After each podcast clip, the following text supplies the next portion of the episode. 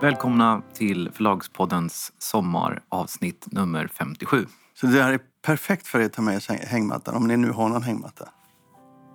Då kör vi. Mm.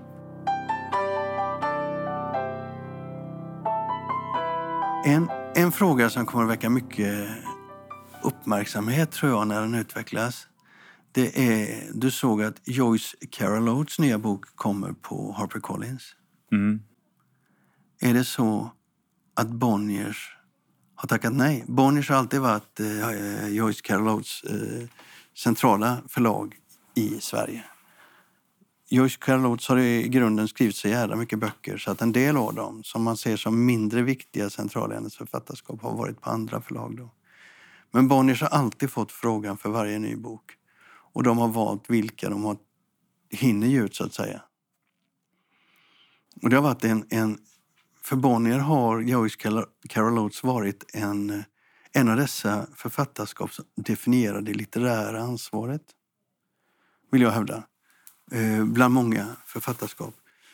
Och att då se Joyce Carol Oates flytta till Harper Collins kan ha två svar.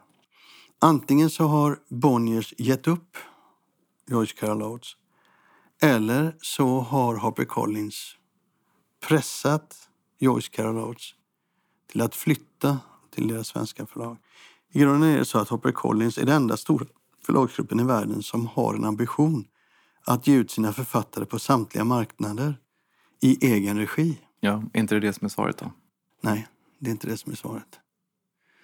Ehm, jag har kollat. Jag har pratat med Carina eh, Nunstedt på HarperCollins och jag har pratat med Trini Lichts eh, agency som, var de, som har representerat Joyce Carol Oates i alla år. De gör inte det längre, utan det är HarperCollins som ansvarar för Joyce Carol Oates. Ja, men det är väl det som är svaret. Alltså hon har blivit en HarperCollins-författare. Jo, och då men vad jag fattat så, sa, så fick nog Bonniers frågan och sa nej tack. Okej. Okay. Och då blir det andra så som du uppfattade det? Ja, men då blir det lite andra reflektioner att göra. Å ena sidan så betyder det att Joyce Carol Oates kommer ut med sina tunga böcker i framtiden på HarperCollins. De är huvudförlaget för Joyce Carol Oates i Sverige i framtiden. Eh, det betyder också att Bonniers har släppt Joyce Carol Oates. Och då är det så att det finns en debatt. Och nu går vi in på ryktesbörsen, som man säger i Norge det finns ett, ett, ett samtal internt i Bonniers att man ska släppa ett antal av de här gamla välprofilerade... Men det är väl bara normal städning? Nej, det är, Vårstädning? Nej, jag vill säga att det inte är det. Den går, går djupare. Det är en städning och den är, den är djup och den kommer att förändra eh, profilen på Bonniers. Det intressanta är här att det där skapar ju konflikter internt. Därför många av de här författarna är ju väldigt stora internt. Och man har relationer mellan förläggare och författare, redaktörer och författare som är ju som familjeband nästan. Så att det finns ett antal författare som är på väg ut från Bonniers som vi av hävd har kallat litterära klassiker starka. Men det, alltså, det finns alltid en risk att när man ser någonting sånt här hända så säger man det här är en ny ny riktning för Bonnier. Det här är en ny... Eh, det här är någonting nytt. Det här bryter mot en tidigare tradition. Men det har alltid varit så mm. att litterära författare som man har hållit fast vid länge en dag måste liksom stiga åt sidan för nya författare. Eh, och jag tror att, eh, eh jag tror att är lite som Salman Rushdie och Philip Roth. Det är författare som är fantastiska men som inte säljer särskilt mycket längre. Så kan det vara. Men då har vi alltid haft den här synen på svensk eh, bokutgivning. Att förlag, i synnerhet Bonniers, har haft ett litterärt ansvar och hållit de det är ingenting som säger att de ska sluta ut litterära böcker. Jag menar, istället för att ge ut bok efter bok efter bok av, av uh, Joyce Carol Oates, bara för att hon har ett namn, så kan man ta de pengarna och ge ut något annat. Satsa på något nytt. Jag har inget emot det och jag, det kommer givetvis att bli det de gör. De kanske drar ner på utgivningen samtidigt, vad vet jag. Men det där går ju i cykler, jag håller med om det. Men vad jag var ute efter var inte att kritisera det. Vad jag var ute efter det var att belysa det. För jag tror att det här kommer bli en väldigt stor diskussion. Därför att väldigt många kommer att känna sig svikna och väldigt många kommer att eh, eh tycka att Bonniers går för Ja, Det, är bara, ja, det, Fort fram. det blir bara en diskussion om det är svenska författare. Jag tror att ingen kommer bry sig så mycket om de här översatta författarna som förvisso är stora namn men som kanske inte är så stora i, i eh, försäljning längre.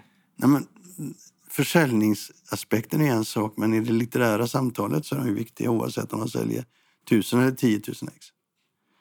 Absolut. Alltså, Joyce Carol Oates är inte en av de viktigaste författarna i det översatta litterära fältet. Må så vara, hon kommer fortfarande ut på svenska. Hon kommer på HP Collins. Men en hel del av de här författarna kommer helt enkelt inte att komma ut längre på svenska. Och det är det som blir intressant. Mm. Vilka är det svenska författare som ska rensas ut då? Alltså jag har inga säkra... Jag vet vad man snackar om. Ja, vilka snackar man om? Om jag säger det så, så blir personen i fråga helt skogstokig. Men det är gamla surpuppor som... Ja, jag tror att det finns en del gamla surpuppor. Jag tänker nu säga det, men vi ersätter det med blippen bara för att få din reaktion. Mm. Det var på tiden. Vi kan inte ta med det. Nej, det kan vi inte ta med. Nej. Så eh, din reaktion tar jag... Brun, Brunner då? Ingen aning. Alltså, det kommer att komma en del svenska författare. Men, Mm. men jag sa namnet här och din reaktion fick alla höra. Men jag blippade namnet. Mm. Så att, eh, och det är inte för att jag inte vill att det ska komma det- ut. Men det jag vill namn- inte... Nej, det, klart, kan bli det, är klart fel. vi inte, det kan bli jättefel. Men det namnet du nämnde då är ju en väldigt profilerad eh, författare som är ett namn som alla känner till. Eh, som antagligen tar väldigt mycket kraft och tid. Mycket energi går åt. Jag är ju många författare. Ja, men Herregud. det måste ge någonting tillbaka. Alltså jag, det, det finns nog en mycket intressantare eh, motivering internt i, i, i eh, Bonniers än den du ger här. Alltså. Det är klart att det inte är så det är enkelt. klart att de inte Det- tittar bara på Det är klart att ekonomi. det inte är så enkelt. Men om du har en person som är otroligt viktig för förlaget eh, så eh, fattar man inte det beslutet helt enkelt. Nej, men, Och man är- kan, och man kan vara viktig litterärt också. Jo, men ibland är man ett flaggskepp utan att sälja mycket. Mm. Ibland måste man behålla dem. Jag tror inte i det i det här fallet. Nej, nu har vi det, det är också det, nu, nu sitter inte jag där, men jag, men jag satt där. Jag, hade, jag, jag, har, jag har faktiskt väldigt förståelse för vil- vilken frustrerande situation det måste vara. Du är det ledande litterära förlaget.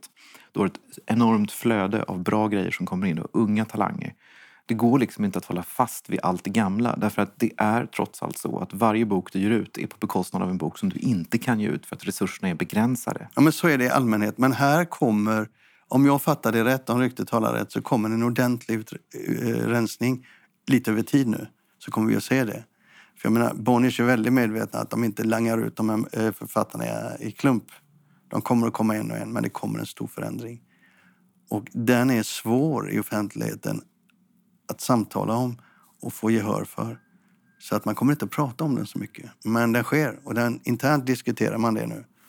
Och eh, jag tycker det är jätteintressant. Mm. Det är jätteintressant. Ja, Men det- Det... där drabbar ju alla, alla förlag förr eller senare. Men vänta, man kan göra ett bra val och man kan göra ett dåligt val beroende på hur den som tittar på det säger. Det är inte så automatiskt för att man har den här konflikten och bestämmer sig för att agera, att man gör något bra. Det är ju Nej, därför nej. de har interna Nej, diskussioner i, i, i förlaget. Eller på förlagen. Men eh, det är intressant att de i alla fall eh, reagerar och gör något. Jag tycker det spännande. Ja. Apropå det här med utrensningar så eh, har jag berättat om eh, när jag var på vippen att köpa Philip Roth. Nej. Jo, ja, det var 2011 eller 2012 och jag var i London och besökte The Wiley Agency. Som är den här prestigeagenturen som är helt hopplös att göra med. Eh, och som har väldigt många av de absolut största litterära författarskapen. Och då var jag på besök hos dem. De har ett fint litet townhouse i Bloomsbury. Eh, och så berättade de att eh, ja, det, här var, det här var före bokmässan 2012. Då sa de till mig att Bonnier har släppt Philip Roth. Och jag tänkte då 2012, va? Kan det, kan det vara möjligt liksom? Och då sa de, ja, nej, de, de, de ger inte ut honom längre. Och det var en sån där då situation. Det var en stor författare, eh, en Nobelpriskandidat, eh, också en väldigt bra författare som de hade gett ut bok efter bok efter bok efter bok. Och det liksom, han har inte sålt någonting på 20 år. Och då sa jag, vi är intresserade. Och vi diskuterade eh, en konkret bok som vi skulle köpa. Och sen sa de, ah, nej men det här är, det är, liksom, det är så gott som är klart liksom. Vi måste bara stämma av det här med Bonnier. Sen var det bokmässa eh, några veckor senare i London. Och då stötte min kollega Un Palm ihop med Stephen Farnley som då jobbade på Bonnier, Albert Bonnier. Och eh, han, frågade, han sa någonting om Roth sådär. Så, så man förstod att det hade liksom börjat pratas. Läcka. Ja. Sen så kom eh, The Wiley Agency tillbaka till oss och så sa de så här, vi är hemskt ledsna men nu vill Bonnier ge ut Roth i alla fall. Eh, men om ni kan tänka er att ta två böcker så kanske det ändå kan gå igenom. Och då hade ju vi fått blodad tand, så vi ville verkligen ha honom. Så då, då så sa vi, ja men vi ska väl tänka oss att ta två böcker. Och jag kommer inte ihåg nu vilken det var vi skulle ta.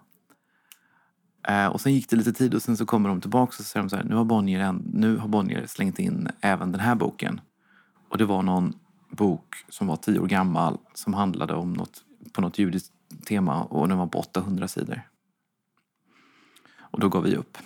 Eh, och jag kommer inte ihåg om det även var förskott som vi hade budat kring. Jag tror inte det handlade så mycket om förskott utan mer om åtagande.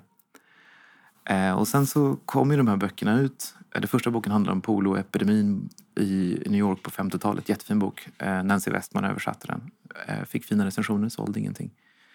Och sen så kom ju de där andra böckerna ut också. Till slut den där tjocka boken. Eh, jag tror det blev väldigt dyrt för Bonnier. Och sen så fick han ju inte Nobelpriset, han dog ju. Mm. Så det, det är klart att det inte handlar om pengar allting. Och det är klart att inte allt handlar om prestige heller. Eh, Men någonstans är det ju helt omöjligt för ett förlag som Bonnier att ha eh, en livslång relation till den typen av författarskap. Det går helt enkelt inte. Men ansvaret finns ju där. Det var ju därför som de, de inte släppte Roth trots att de hade bestämt sig för att göra det. Jag tycker, Jag tror- det, jag tycker en bra illustration till problematiken. Ja, det är det. Men jag tänker att Wiley är ju smarta. De, de, de får dig på hooken, så går de tillbaka till barnen och säger nu har vi ett bud här från Lind Company.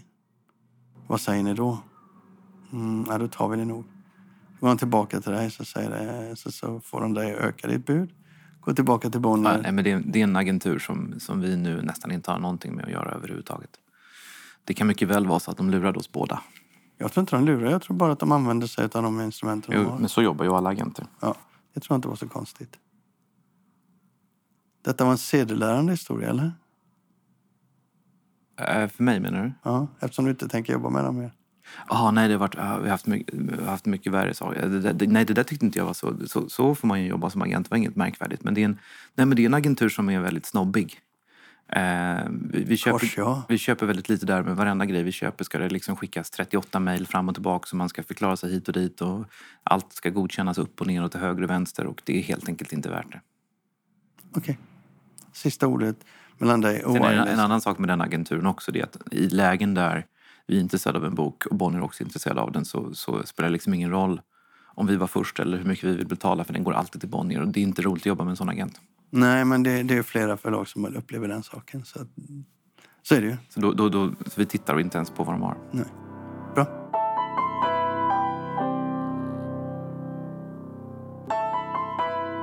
Lite irriterad är du allt på det ämnet vi ska prata om. Alltså, jag är aldrig så irriterad som du tror eller försöker få det att framstå som. Okej, vi har ett omslag här Ja, som inte bara du är irriterad av, många är irriterade av. Och det är, du får berätta. Det är Bokfabriken som ger ut en bok som är skriven av Butler och Grimwalker. Ehm, och här har man då använt samma typsnitt som till Butler och Örlund. Exakt samma typsnitt. Det är till och med samma liksom, lite perforerade bakgrund. Eh, sen har man en man i, i, i front, i som, mitten av omslaget. Och sen så står det av författaren bakom succéserien om Silvi Bjelke. Och eh, det är så uppenbart en rip-off i, skulle jag säga, i negativ mening. Alltså det är, de har till och med då valt samma inläsare till den här boken som Silvi Bjelke har, Stefan Sauk. Man försöker att få det till att framstå som att det här är en Silvi Bjelke. Det irriterar dig. Ja, jag, jag, jag tycker att det är fräckt och jag tycker att det är ett, brist, ett uttryck för Bokfabrikens bristande eh, självkänsla och självförtroende och förmåga att ta fram något eget. Ja, snarare det skulle jag säga. För jag, jag, eh, jag tittar på det så tänker jag, jag tror läsarna skiter i det. Det är lite barnsligt bara att man inte har bättre... Ja, det är lite barnsligt. Ja. Men jag blir inte lika upprörd som du. Jag är inte särskilt upprörd, jag tycker bara att det är dåligt. Ja. Och eftersom du ändå tar det så kan vi ju ta då eh, kritiken ni har fått för att göra såna här grejer. Alltså, du syftar på att...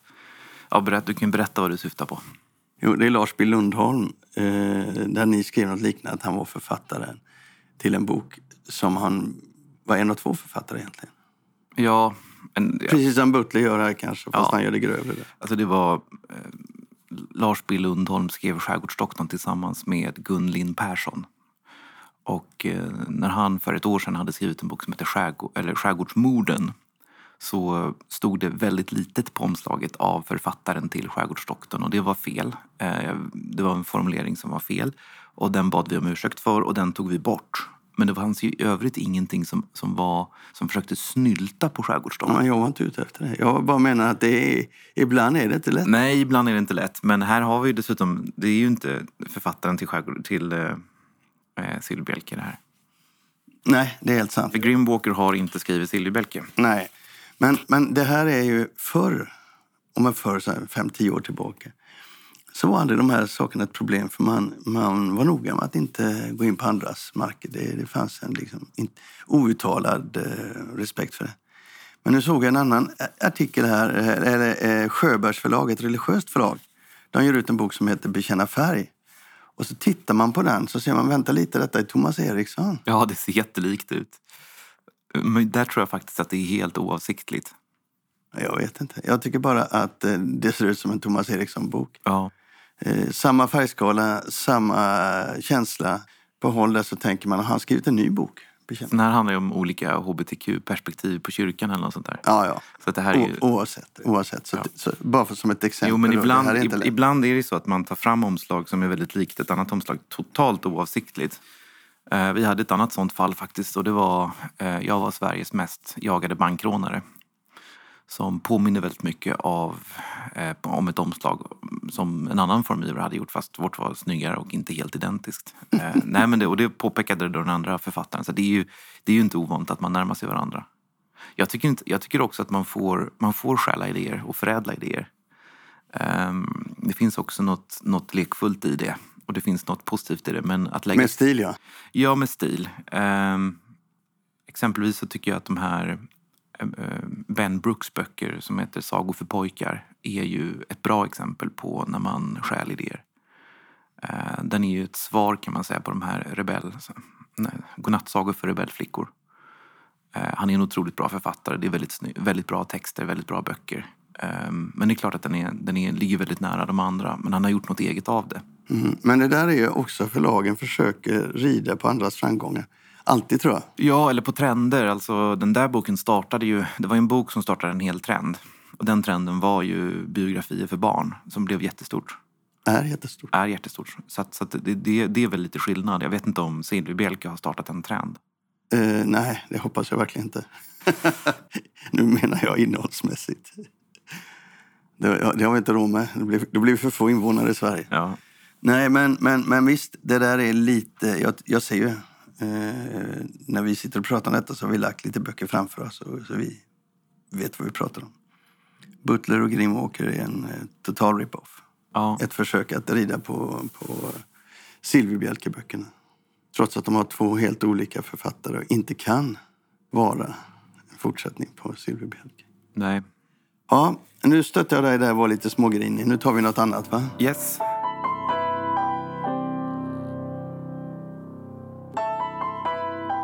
Nu ska vi gå in på ytterligare en av dessa internationella... Vad ska man säga? Nej, men nu, Böcker. nu blir det förlagshistoria för de riktigt nördiga lyssnarna av podden. Igen. Igen. Kör. Eh, Jag har läst en bok som har kommit ut alldeles nyligen som heter Faber and Faber, The Untold Story of a Great Publishing House skriven av Toby Faber som är då barnbarn till grundaren av Faber and Faber. Ja, idag i alla fall är Faber och Faber ett väldigt spännande förlag och har varit i många år. Det har under väldigt många år varit ett väldigt fint förlag och väldigt intressant förlag. Men vad som gör det då i det här sammanhanget eh, spännande det är att det är väl det största oberoende förlaget i Storbritannien idag.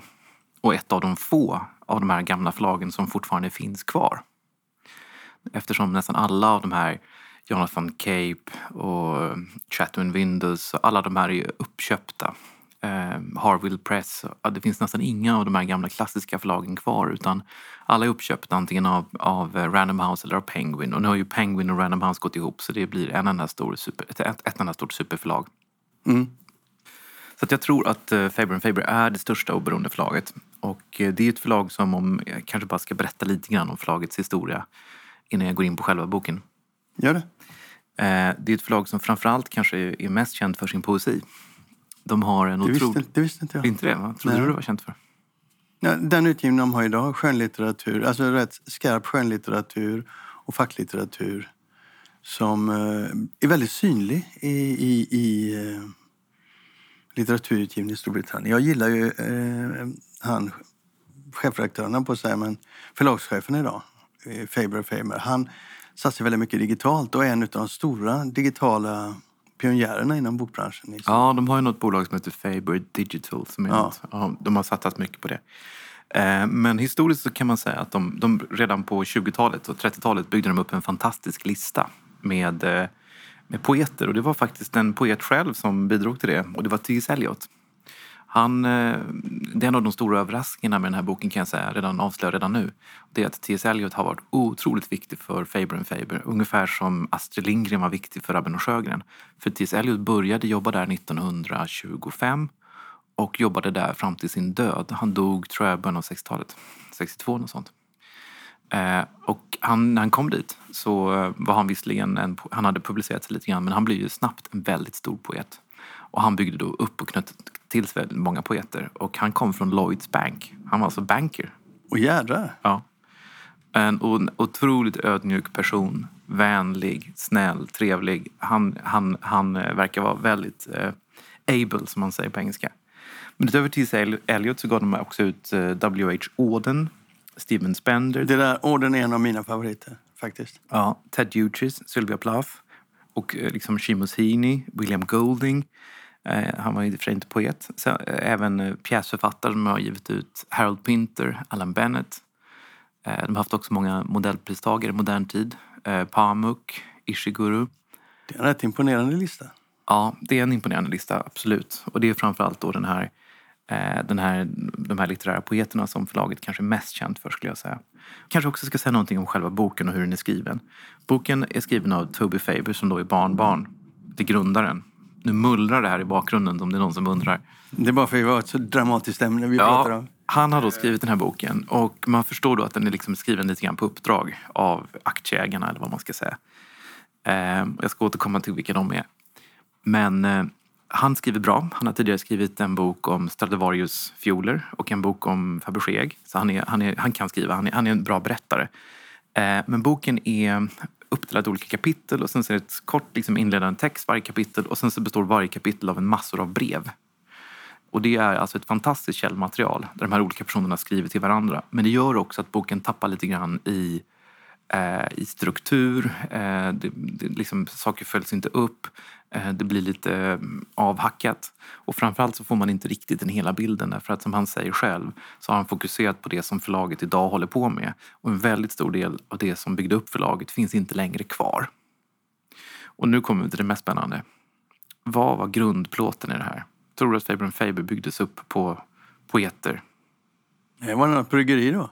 Sa du? Det var väl något bryggeri då som satsade pengarna? Nej, alltså grunden är eh, Jeffrey Faber som är grundaren.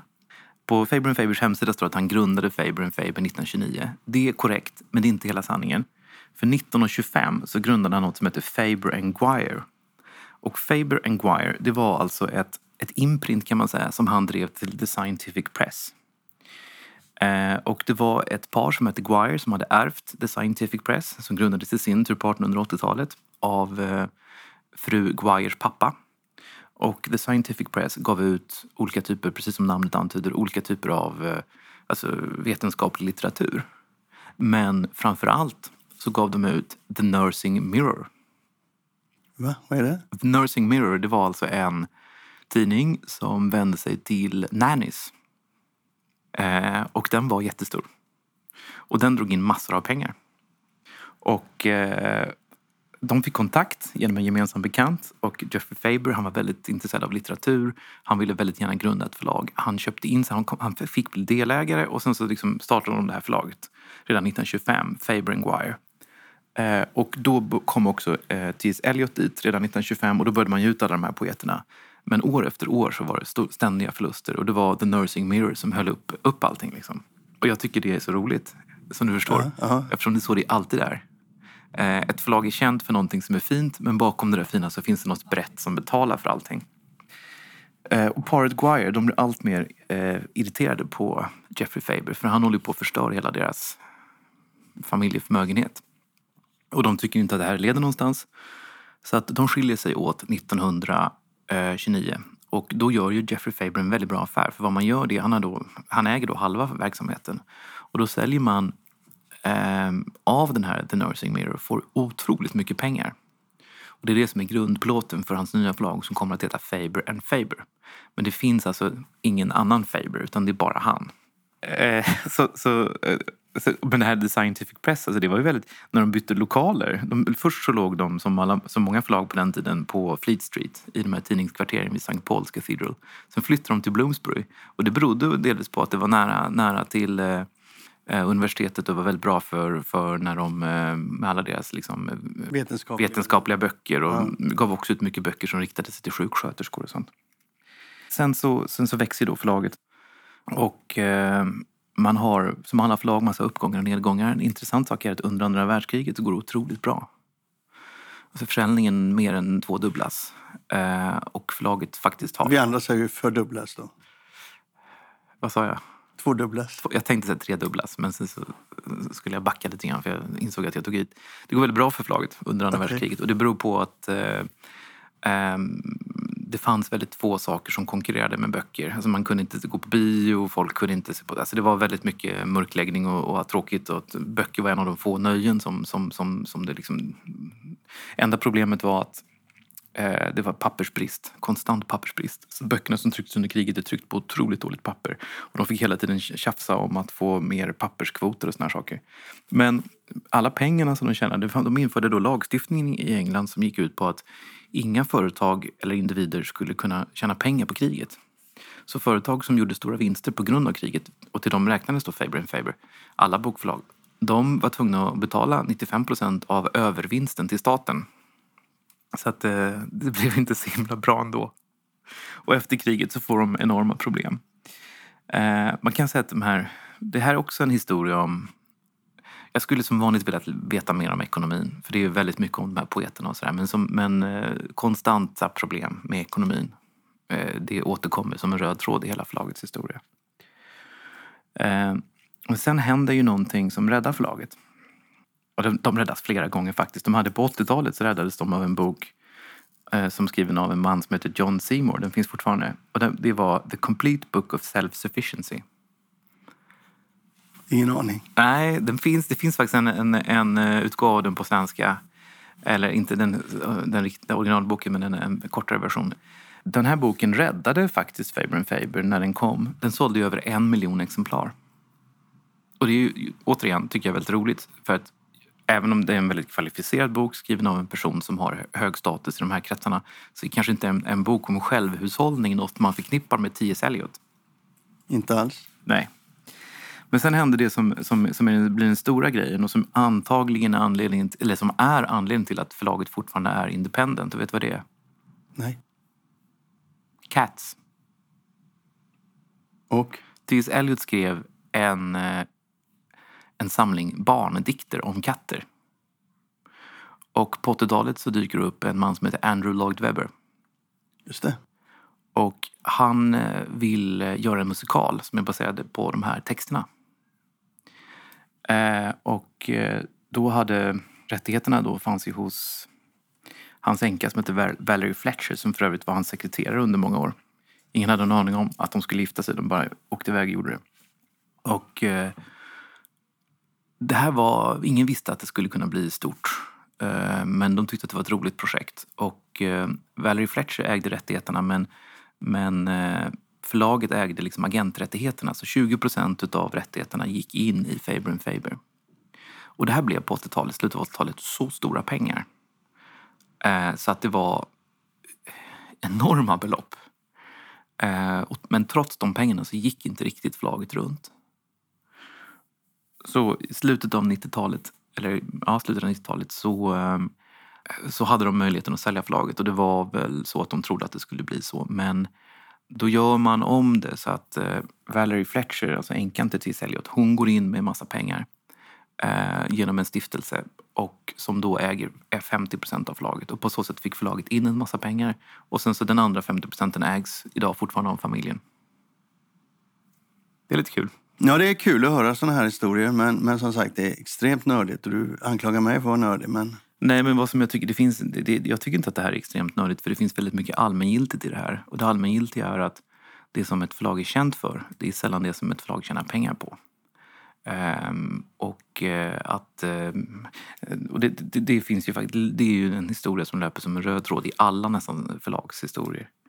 Sen, ja, men så är det ju, men det är ju ingen som... Sen, sen tycker jag också, sen tycker jag, jo men det är väldigt sällan känt, synnerhet bland kulturjournalister, de har ju ingen aning. De tror, där igen. De, tror ju, de tror ju att det är på poeterna som förlagen tjänar pengar. Även, ä, även många anställda... Ibland är du fjantig. Även många anställda tror att förlaget tjänar pengar på poeter. Jag tror ingen överhuvudtaget gör Nej, men medvetenheten om vem som drar in pengar är inte så stor som du Nej, tror. det är en annan sak. Men Sen, ingen tror att poeter... En annan allmängiltig grej som jag tycker Okej. med det här, det är det här med cats. Därför att det visar också på någonting som eh, folk tenderar att underskatta och det är betydelsen av tur. Alltså, jag brukar säga att på sikt så skapar man sin egen tur.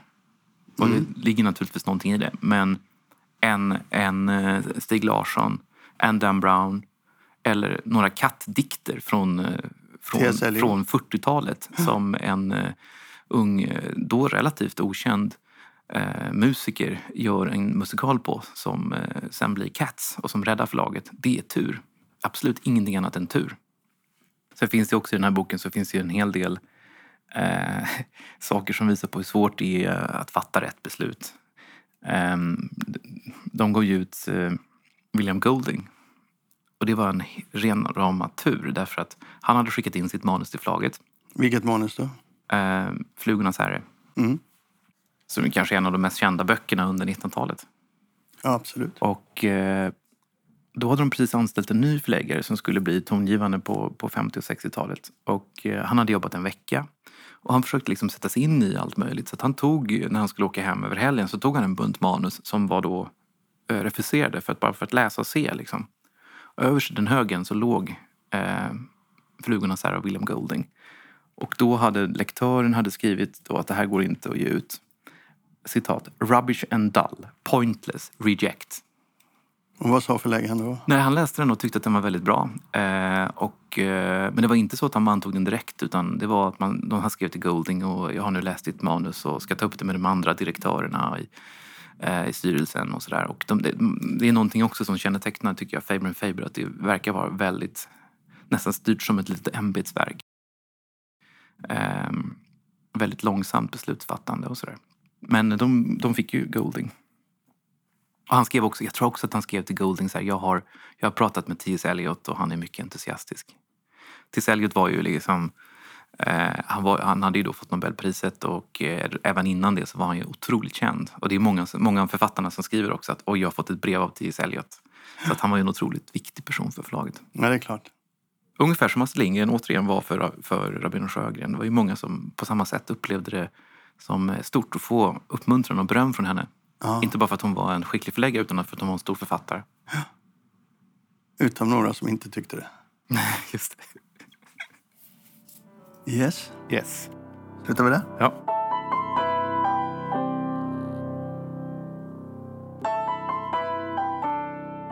Nu sitter jag och pratar med Kajsa Wallén Ja. eh, som är redaktionschef på Lind Company. Ja. Du som har hand om det. Mm. Ja. Och så fick jag en idé som jag tycker är väldigt rolig. Eh, därför jag har lärt mig genom åren att folk som jobbar i bokbranschen har ett mycket osunt förhållande till böcker, rent praktiskt. Så jag tänkte vi ska göra en serie av samtal, väldigt korta saker. Och så råkade jag avslöja för dig. Ja, na, ja så och råkade du säga det. Och då, då är frågan egentligen så här, hur är ditt förhållande till böcker rent praktiskt? Ja, jag råkade ju säga till dig igår att mitt, min syn på, på böcker har också förändrats lite genom åren kanske. Och blivit mer pragmatisk. Vilket innebär, Vilket ju innebär eh, att böcker, eh, ju längre man jobbar på förlag, i alla fall ju längre jag har jobbat på förlag, desto mer praktiskt inställd blir man till böcker på något vis. Att det, är ju är, det är en produkt. Och att Jo. man kanske lite grann förlorar en romantisk syn på böcker. Som, Hur är det hemma hos er? ja, hemma hos oss så har ju vi... Jag lever, min sambo han eh, är ju helt ointresserad av böcker. Och han kommer från ett annat land där man inte... Eh, man läser inte böcker på samma sätt. Böcker är läroböcker. Liksom det är läromedel. Eh, så när vi träffades så sa han först till mig så här att vet du det säkraste sättet liksom att förvara pengar eh, i Tanzania det är att man stoppar dem i en bok. För då vet man garanterat att ingen kommer liksom öppna den där boken. Okej. Men hur är det hemma hos er nu då? Nej, nu får vi, jag får ha fyra bokhyllor. Och eh, de får jag... Eh, mm, det är vad vi har plats för. Och när de är fulla så får jag rensa helt enkelt. Hur går det då? Ja, det går väl sådär. Periodvis så det samlas ju liksom på... Det blir liksom lite dubbla rader och, och så ett tag. Men sen så, så får man rensa. Så får man kasta helt enkelt. Men när du kommer i en situation där du inte vill kasta, gömmer du böcker då? Nej, men jag placerar ju ut böcker lite här och där. Så det ligger ju ganska mycket bokhögar Mm. eh, på lite olika platser. Och vi har ju barn också som också gillar böcker. Så det, det, det är ju ganska mycket böcker i hemmet i alla fall. Men jag har också märkt att man med åren... Man kanske tycker från början att de här liksom böckerna betyder så himla mycket för mig. Jag kommer aldrig... De här måste jag ha kvar. Men så går det några år och sen förändras faktiskt det där. Så om man gör en rensning kanske vartannat år så inser man att det alltid finns böcker som man är redo att kasta. Det där lät illa. jag tänker aldrig berätta hur jag har det med böcker. Nej. Nej, men jag vet ju att det är många som säger att de aldrig skulle kasta en bok. Men de har inte jobbat i bokbranschen. Nej. Du är först ut. Vi ska fortsätta att fråga många människor, fler på det här förlaget men andra i bokbranschen också. Mm. Tack ska du ha Kajsa. Tack.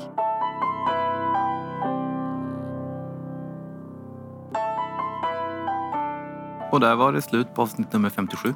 Det var det. Och nu tar vi två veckor ledigt. Det vill säga, om två veckor kommer inget program. Utan om fyra veckor kommer eh, nästa program. En bit in i augusti. Så vi tajmar utgivningen med tanke på bokmässan i Göteborg och bokmässan i Frankfurt. Så vi har en mycket spännande höst framför oss. Mm. Hej då! Trevlig sommar! Trevlig sommar.